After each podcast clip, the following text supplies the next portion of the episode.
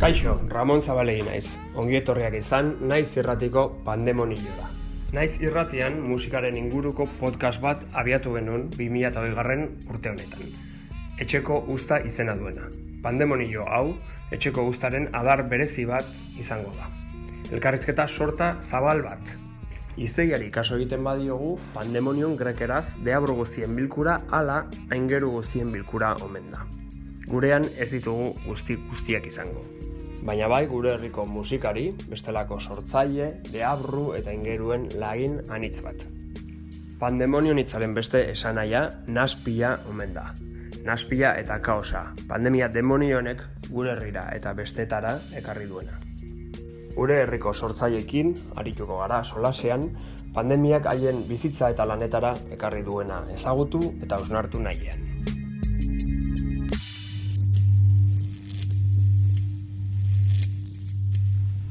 Naiz irratian zaudete eta hau pandemonioa da.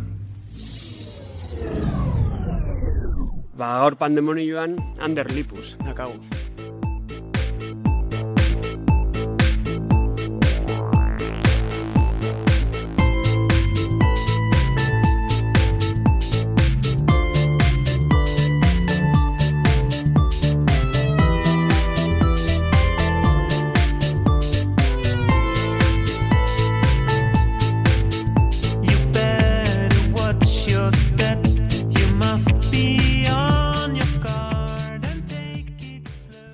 Kaixo, zemo zaude.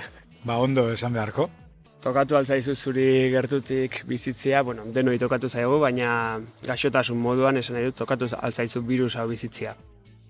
Ba ez, e, zorionez ez, baina egia da justu duela astebete e, nire aitak, ja nire aitak laster e, laro gehi urte ingo ditu, bera oso ondo dago, e, baina bapatean ba, kalenturak eta oso gaixo egon zen, gau bat oso txarra pasa zuen, eta berantzkoa beruzkoakin eta hola ibili zen, egun biz, eta bueno, e, orduan e, beti ba, nola alako psikosi kolektibo baten barruan sartuta gagozan, ba, ba denok larri ginen, estu ginen, bai ze izango zen, eta ba, egin zituen PCR frogak, eta etzen ezer izan, negatibo eman zuen, eta gero berriro itxaron behar izan zituen beste bi edo hiru egun, da berriro frogak egin, eta ba, etzer, ezer eh, ezan izan, e, e, ba, larritasun bat, e, infekzioren bat edo izango zuen, besterik gabe.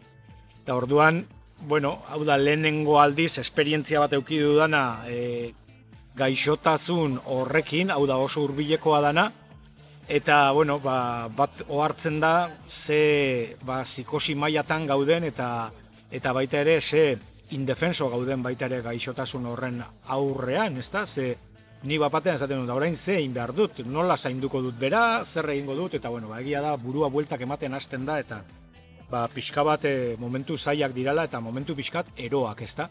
Eta gero, e, pixka bat nik sentitzen dudana, ezta? Gauza bat da, pandemia honek ekarri duena, edo koronavirusak ekarri duena, baina gero, koronavirusak ekartzen aldituen e, albokalteak, ezta? Bapatean nire aita segon desiatzen ja irtetzeko kalera eta esaten zuen, nila ondo sentitzen naiz. Eta ja behar dut kalera irten, ezta? Eta ezin zuen urten, eta, bueno, ba, pixka bate, bai, zer pentsatu ematen du, ezta? E, dena fokalizatua dago, ba, alako psikosi baten barruan, da dena gaixotasun hortara, eta beste gaixotasunak ere hor daude, ezta? Eta, eta bueno, ba, bueno, zer pentsatu ematen du, nola ez? Aipatu dituzu psikosia eta baita ere albokalteak eta bueno, ba hoiek baitu denak, ez? Denak, denok paratzen ditugu. Nola eraman duzu, nola eramaten duzu guzti hau.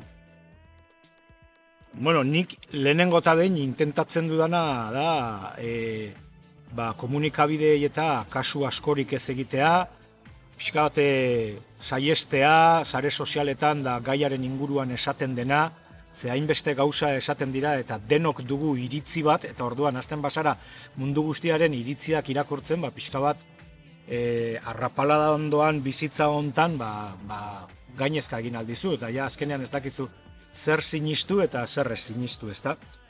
Eta bestalde, ba, nola eramaten dudan hau, bueno, ba, ba, aldan neurrian, ez da, ba, nik uste dut momentu batzutan ez dugula sinisten e, ez da ere ba, gertatu dena, ez da.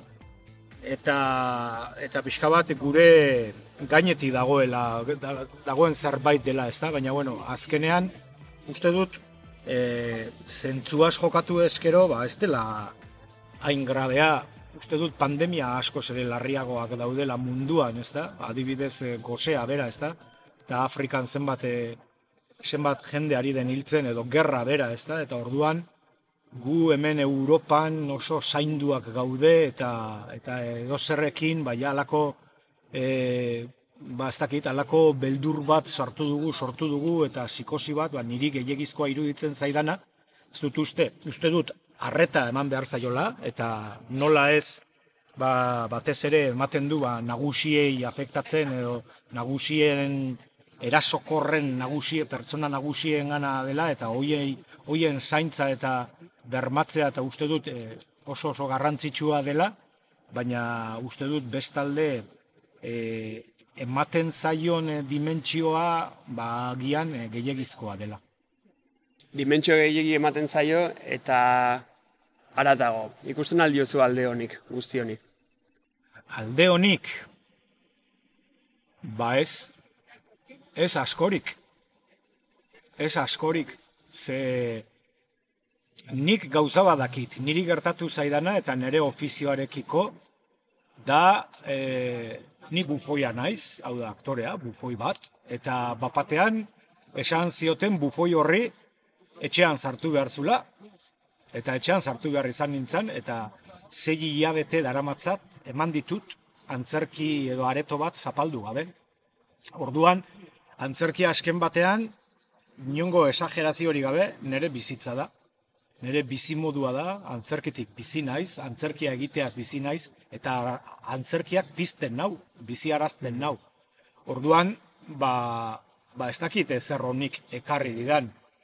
Egia da, e, aprobetxatu dudala, e, barrura begiratzeko, eta batez ere aspaldi hasita neukan proiektu bat ia bukatzeko. Ze antzerki liburu bat idazten hasia nintzen, eta orduan e, etxean egote horrek ba, behartu nau ba, horri heltzea eta hortara dedikatzea ba, pila bat ordu eta ia oain ja liburua bukatzear daukat.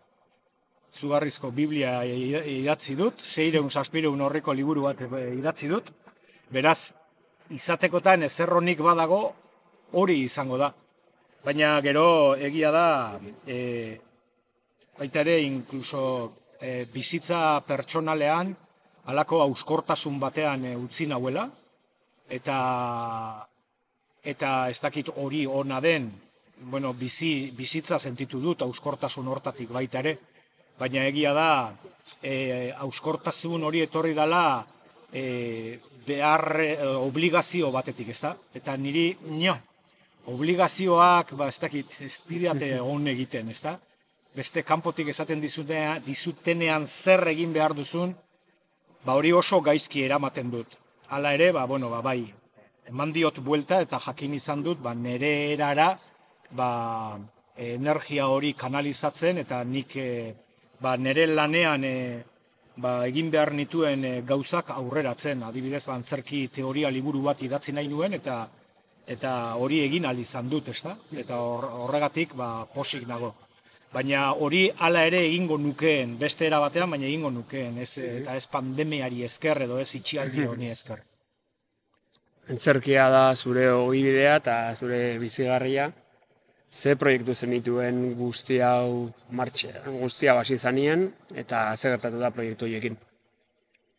Bueno, ba, egia da, nik eh, esaldi bat sarritan erabiltzen dudana da, gure ofizioa eh, erras mugitzen dela arrakastaz bizitzetik arrastaka bizitzera, ezta? Eta babitugu kriston eh, momentu honean gengozan, e, saldi urdina e, antzer, antzeslanarekin, dejabu panpin laborategia, xut eta arte derramak elkarrekin ekoiztutako proiektu horrekin, izugarrizko bira egiten ari ginen, eta ia sold out e, teatroak, antzokiak beteak zeuden, eta hori nire begiekin gutxitan ikusi dut. Beraz, e, Halako urresko momentu bat bizitzen ari ginen, arrakasta momentu bat, eta bapatean ba, jira, e, bira ba, ba, bertan bera utzi behar izan genuen. Eta orduan horrek eraman gaitu, ba, e, ba, sorionez, ba, zei hilabete ondoren, galdutako emanaldi horiek berreskuratzea eta orain e, udazkenean e, e, ondo, badea, ondo badoa dena ba, emango ditugu Euskal Herrian jarraituko dugu bira horri e, azken, e, azken emanaldiak emateko, ezta? aukera horrekin. Baina gero bestaldea ulestiko topaketak genituen, zorionez orain e, irailean emango dugu emango ditugu aulestiko topaketak, eta gero e, beste antzeslan bat prestatzen ari ginen, eta bueno, hori horrek ez du horren beste e, ze orain hasiko gara berriz, ekingo diogu, berriz e, antzeslan berri hori, antzerkian, e, atzerrian lurra garratz deituko dan e, antzeslan berri hori ba, martxan jartzen berriz ere, amankai gaztainagak zuzenduko duena, eta Laura Penagos aktore kolombiarra eta ni neu arituko gara holtza gainean, eta horrekin ere oso pozik oso posik horregatik orain berriz eh, hasiko naizelako hori egiten. Eta gero bazegoen proiektu bat e, Gernikako onbardaketan egunean estreinatu behar genuena, irureun bat e, aktore, pertsonakin, musikari, dantzarikin, Gernikan, e, Gernikako herritarrekin ari ginana e, ba, diseinatzen, ensaioak egiten, eta hori bertan bera utzi behar izan genuen, eta bueno, ba, esperantza daukagu, ba, aurrerago baita ere emateko. Orduan, ba, bueno, txarren txarrenean, ba, proiektu guztiak bideratu ahal izan ditugu e, ba, hemendik aurrerara begira, baina bueno, egia da baita ere ez jakintasunak edo incertidumbre puntu honek ba, pixka bat kolokan jartzen duela guztia eta hor gaudela obsesionatuak PCR frogak bai, positibo bai, negatibo ez, dana delakoa, eta bueno, ba, horrek pixka bat dena ba, kolokan jartzen duela eta fragilidade edo euskortasun hortan mugitzera e, mugitzen zarela azkenean bizitzan, ezta? eta zure lanbidearekin, eta bueno, ba, horrek bai ematen du pixka bat, pena edo amorrua batutan ere. Sei hilabete eszenatokia zapaldu gabe, eta noiz zapalduko duzu lehenengo aldiz? Ba, orain e, iraia bukaeran izango da, aulestiko topaketetan.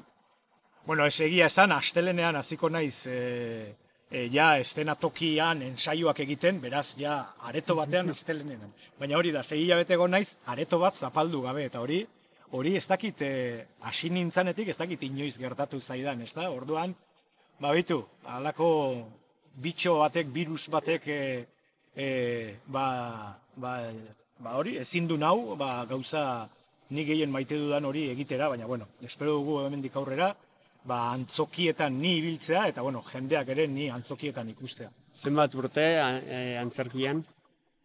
Ba, ez dakit, e, hogeita marruzte dut. Eta bitxo batek, bitxo bat etorri behar izan du horiek edatzeko, ezta? Bitxo potozorri batek.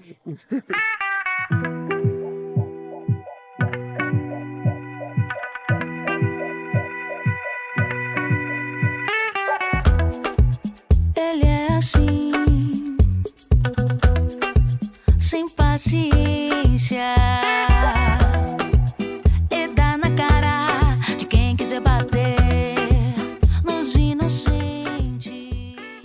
Zure lan jarduera, nola ikusten duzu egoera, etorkizuna arduratuta zaude, alde ekonomikoa zari naiz, batez ere. Bai, e, sorionez gure enpresan, gure lantaldean, arte draman, ba, bira polit bat egiten ari ginean, eta, bueno, ba, sorionez, ba, diru poltsa bat euki genuen, eta, eta, bueno, gure, gurekin zeuden langile eta kide guztiak, ba, batzuk artean sartu dira, baina dena nahiko ondo, sorionez, ondo kakotxartean atera zaigu. Hori bai, zei hilabeteko geldi egote horrek, ba, galerak ekarri dizkigu enpresari begira, ezta? E, baina e, asmoa daukagu, hala ere, nire lankidekin batera guk lanean jarraitu dugu, ez estenatoki gainean, baina bai e, ekoizpeneko lan asko aurreratzen, ekoizpenean indarra handia jartzen, gure proiektuak bertan bera ez, gal, e, ez ge- gelditu ez gelditzeko. Eta orduan, ba bueno, e, espero dugu orain udazkenarrekin batera, batera ba, berreskuratzea proiektu horrek eta bueno, ba, berriz ere ba, enpresaren datko ba, ja, diru sarrerak izatea eta eta egin ahal izatea, egin nahi dugun guztia.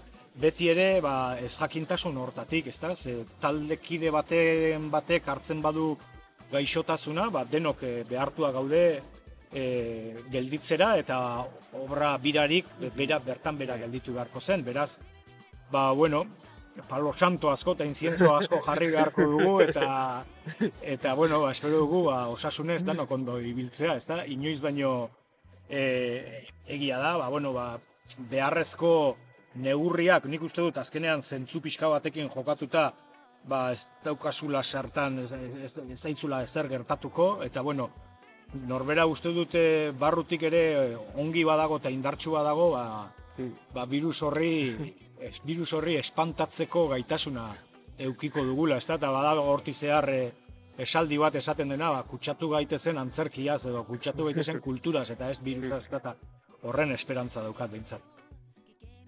Kutsatu baitezen kulturaz, nola ikuste duzu bai antzerki gintza eta bai kulturgintza, haien etorkizunak egoera honetan eta behar bada ere aurretik nola ikusten zenituen. Bueno, gure egoera beti prekarioa izaten da, beti bizi gara prekarietate batean. Gertatzen dena da, batzuk hobe, beste batzuke okerro, baina ikasten dugu zoritxarrez prekaritate hortan bizitzen. Orduan, ba, keska beti dago, baina eh, egia da, ofizio hau erabakitzen duzunean hartu nahi duzula, ba, hola da, hola da, badakizu beti etengabe berrasmatzen ibili behar zarela, ezta? E, ni berrasmatze hortan ez dut asko pentsatu norantza joango den gure antzerki egiteko moduak, baina bai egia da espiritua edo badagola zerbait mugitu dena nere baitan, ezta? Baina ez dakit nora joango den. Jende batzuk hartu dituzte hor itxialdian eta autuak e, online gauzak egiteko eta ni horren oso kontrakoa naiz. Nik ala sentitzen dudalako, niretzako antzerkiak zerbait badu arnasa dauka, ez da, anar arnasa momentuan beste batekin konpartetzen duzunean. Nik arnasa energiari deitzen diot.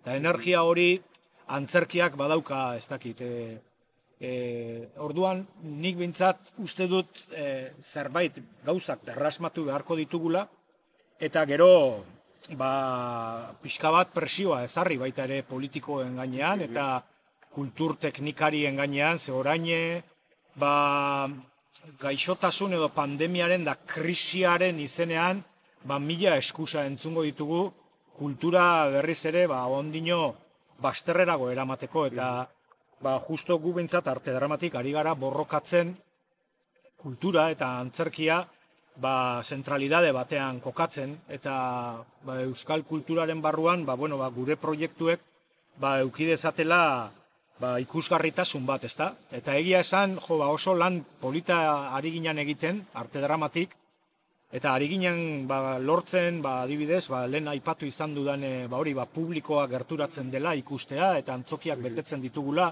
baina hortaz aparte, herriekin eta hartzen ditugun iniziatibak, mediazioak, e, guk e, e, antzerkitaile talde egoiliar bezala orain adibidez Gernikako herrian gaude, eta Gernikako herritarrekin, udalarekin, bertako enpresa pribatuekin eta hartu ditugun dinamikak eta bapatean, ari ginen indartzen, indartzen eta sinisten ba, kulturarekin, kulturatik ere bizide aldugula eta kulturarekin ere ba, prekarietate hortatik ere irten algarela, ezta? Eta orain beldur pixkat bai badaukat, ba, ba, krisia etorriko dela eta orduan ba, diru murrizketak eta gauza guzti horiek, ezta? Eta, bueno, esperantza daukat horre elkartu beharko ginatekela denok eta pixka bat e, ba, alde egin ba, hori gertatu ez dedin eta eta bueno, ba, diru laguntzetan eta ba, ba, bermatzea baita ere, ba, bai eusko jaurlaritzak eta aldundiek, udalek eta eta eta sortzea benetan ba, euskal kulturaren proiektu eder bat, ezta? Zer nik uste dut horrek egiten gaituela, biziarazten gaituela, sentiarazten gaituela eta gizartearen parte garrantzitsu bat garela, ezta? Bai, ez da lehenengo elkarrezketatu aipatzen duna kultura zentroan jartzearen ideia, baina prioridadea edo lehentasuna ez da. E, gure politikarientzat, edo hori behintzat esan digute mendikan pasada diren asko. Zuk ere hola ikusten duzu. Bai, Bai, kultura zentroan ipini, baina gero norbera beti ertzean ibili, eh? Ze, kriston arriskutsua da, hor zentralidadean da e, papamobil batetik, e, kulturari buruz papamobil batetik bezala hitz egitea, ezta? Kultura zentralidadean jarri behar da, bai, baina e, eta horregatik apostu egin behar dugu, eta horregatik borrokatu behar dugu, eta horregatik kontziente egin behar dira politikariak, eta politikariek egin behar dutena da gestionatu artistek, e, elkarteek behar, behar dituzten gauzak, ezta? Eta utzi egiten, utzi egiten. Ertzetik, e, beste izkina batetik, Martetik, Jupiterretik, bakoitzak behar duen tokitik, ezta? Eta artea pixkate libre mugitzea daukala nahi duen esparruan, ezta? E, kultura ofizialenetatik hasita, e, kultura underground eta marginaleteraino, ezta? Guztiak du lekua, ezta? Eta nik uste dut oso importantea dela norbera nun kokatzen den ikusten ibiltzea eta alden neurrian beti mugitzen ibiltzea. Ze, nonbaiten gelditzen bazara, ja, geldi, ja, horren nahi du ezan artista bezala hilda zaudela. Usteldu egiten zaela. Bai, bizka bat. bai. Maskariak gabiltza, hemen, Bilboko Hemen, eh, kaletan. Ibaia bezala, ez da hemen daukagu paraje darra, ibaia ura ez balitz mugitzen, Ja. ura ere ustela egongo zen, osea, que hori da, kult ura. Ez da. Neukan guztizen amez bat, amez bat Beti egoten nintzen, haren bizitan zai, haren bizitan zai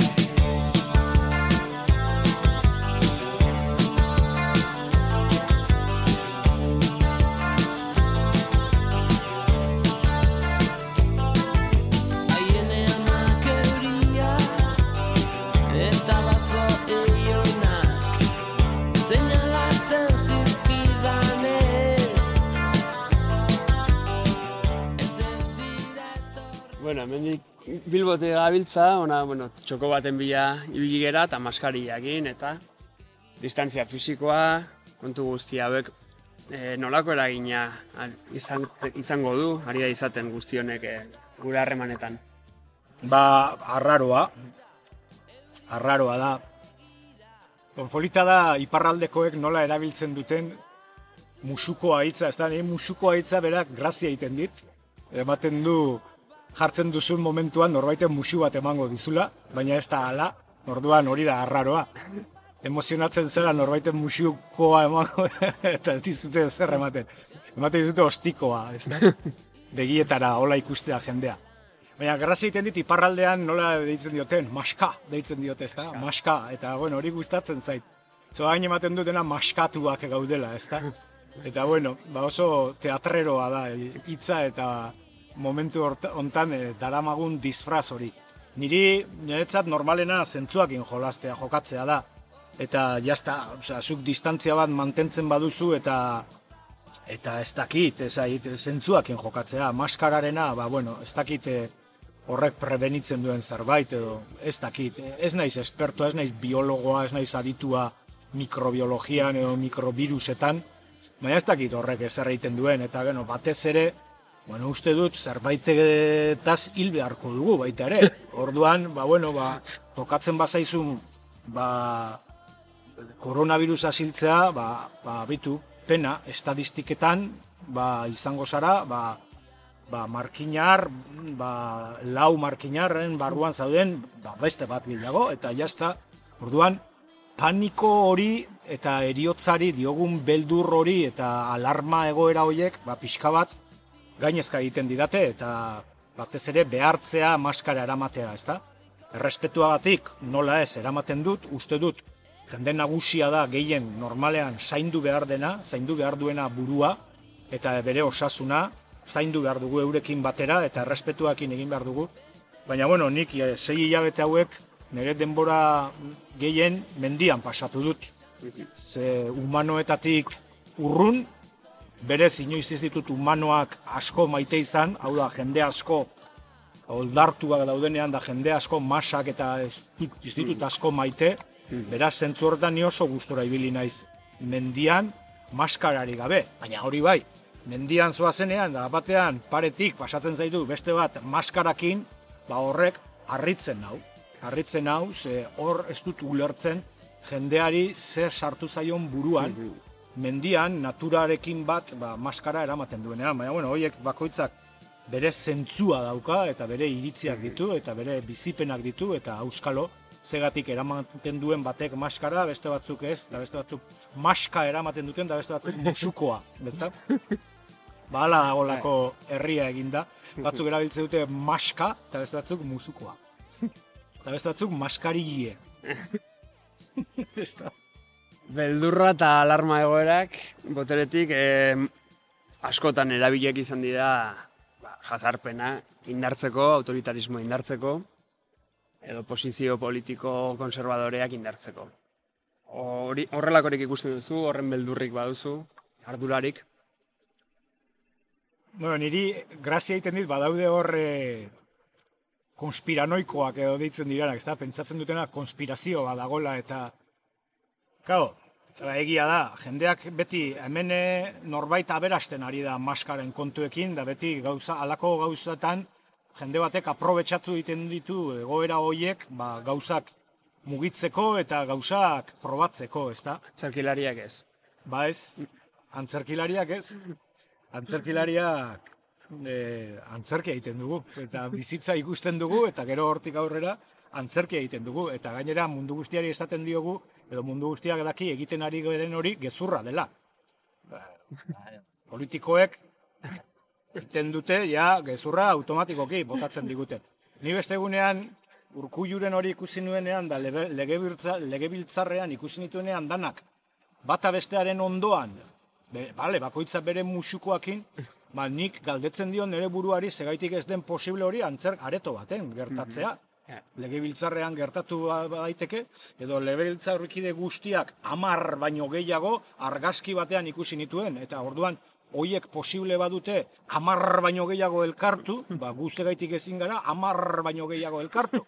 Orduan, hor ere, berdina ikusten dut, usten dut, ari dala, ba, hor dagoela, ba, ba, bueno, ba, ari dirala guri ba, hartzen, ba, hilea hartzen, eta bai, zentzu horretan, sei hilabete hauetan, ba, malaostia pixka bat, bai, etorri zait, gauza batzuk, ekintza batzuk ikusi ditudanean, ezta? Nola gertatzen ziren, eta, bueno, tabernarien errealidadea ere, ba, latza da, ezta? Eta nik ulertzen dut, baina, bueno, horre gauza batzuk, ba, ez dira bat ere logikoak, eskatzen dizkigute gauza batzuk, baina ez diranak logikoak, eta orduan, badakit ez dela erresa izan behar kudeatzen, ni ez nabil kudeatzen gizarte oso bat, baina, bueno, pixka bat eh, batzutan gehiegikeri batzuk bai ikusi izan ditut, eta horrek ez dit bat ere graziarik egiten.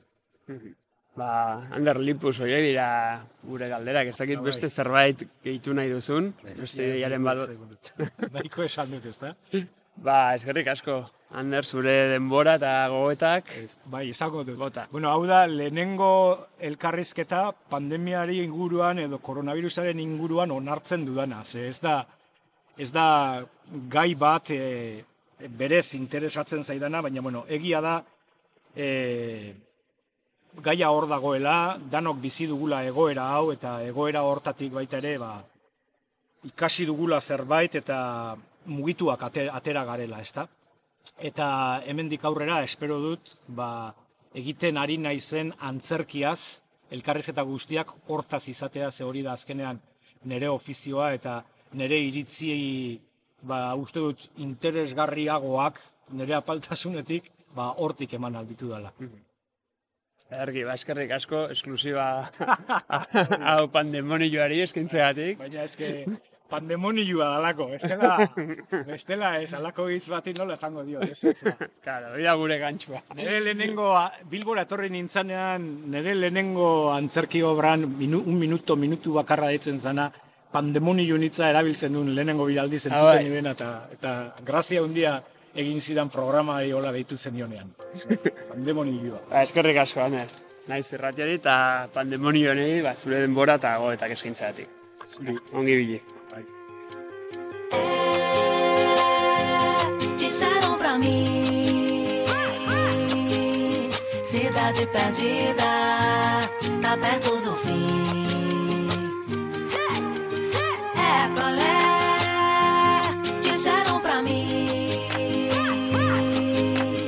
Cidade perdida, tá perto do fim.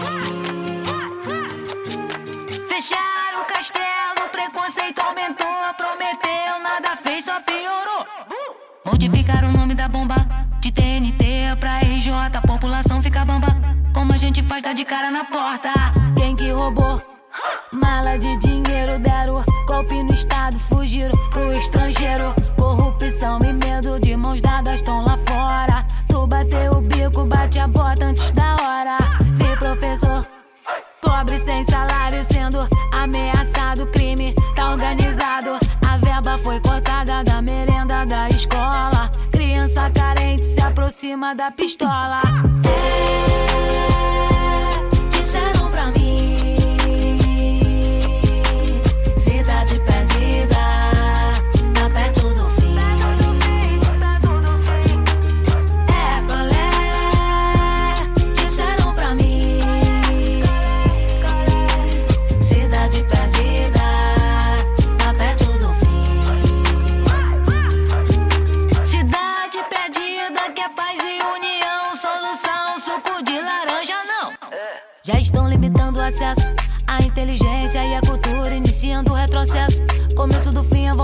volta da censura. Só tem patrão, só tem mafioso. X9, delação, fala demais, é perigoso. Eu vi doutor pegando semi-aberto, fugindo pras Maldivas. E o trabalhador entra no cano, cano, alto escalão. Máfia, tudo é fake, fake. Todos na rede, rede. Tão nessa droga face. E o sofrimento vem de lá das caravelas. A corrupção veio escondida dentro delas.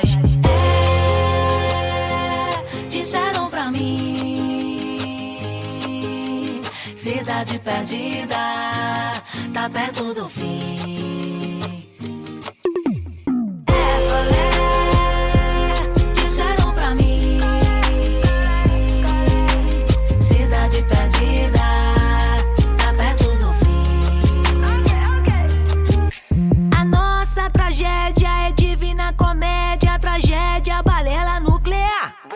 Sai de casa de noite ou de dia, não sabe se volta, isso dá revolta, bagulho é babado, batata tá quente, inferno de Dante batendo na porta.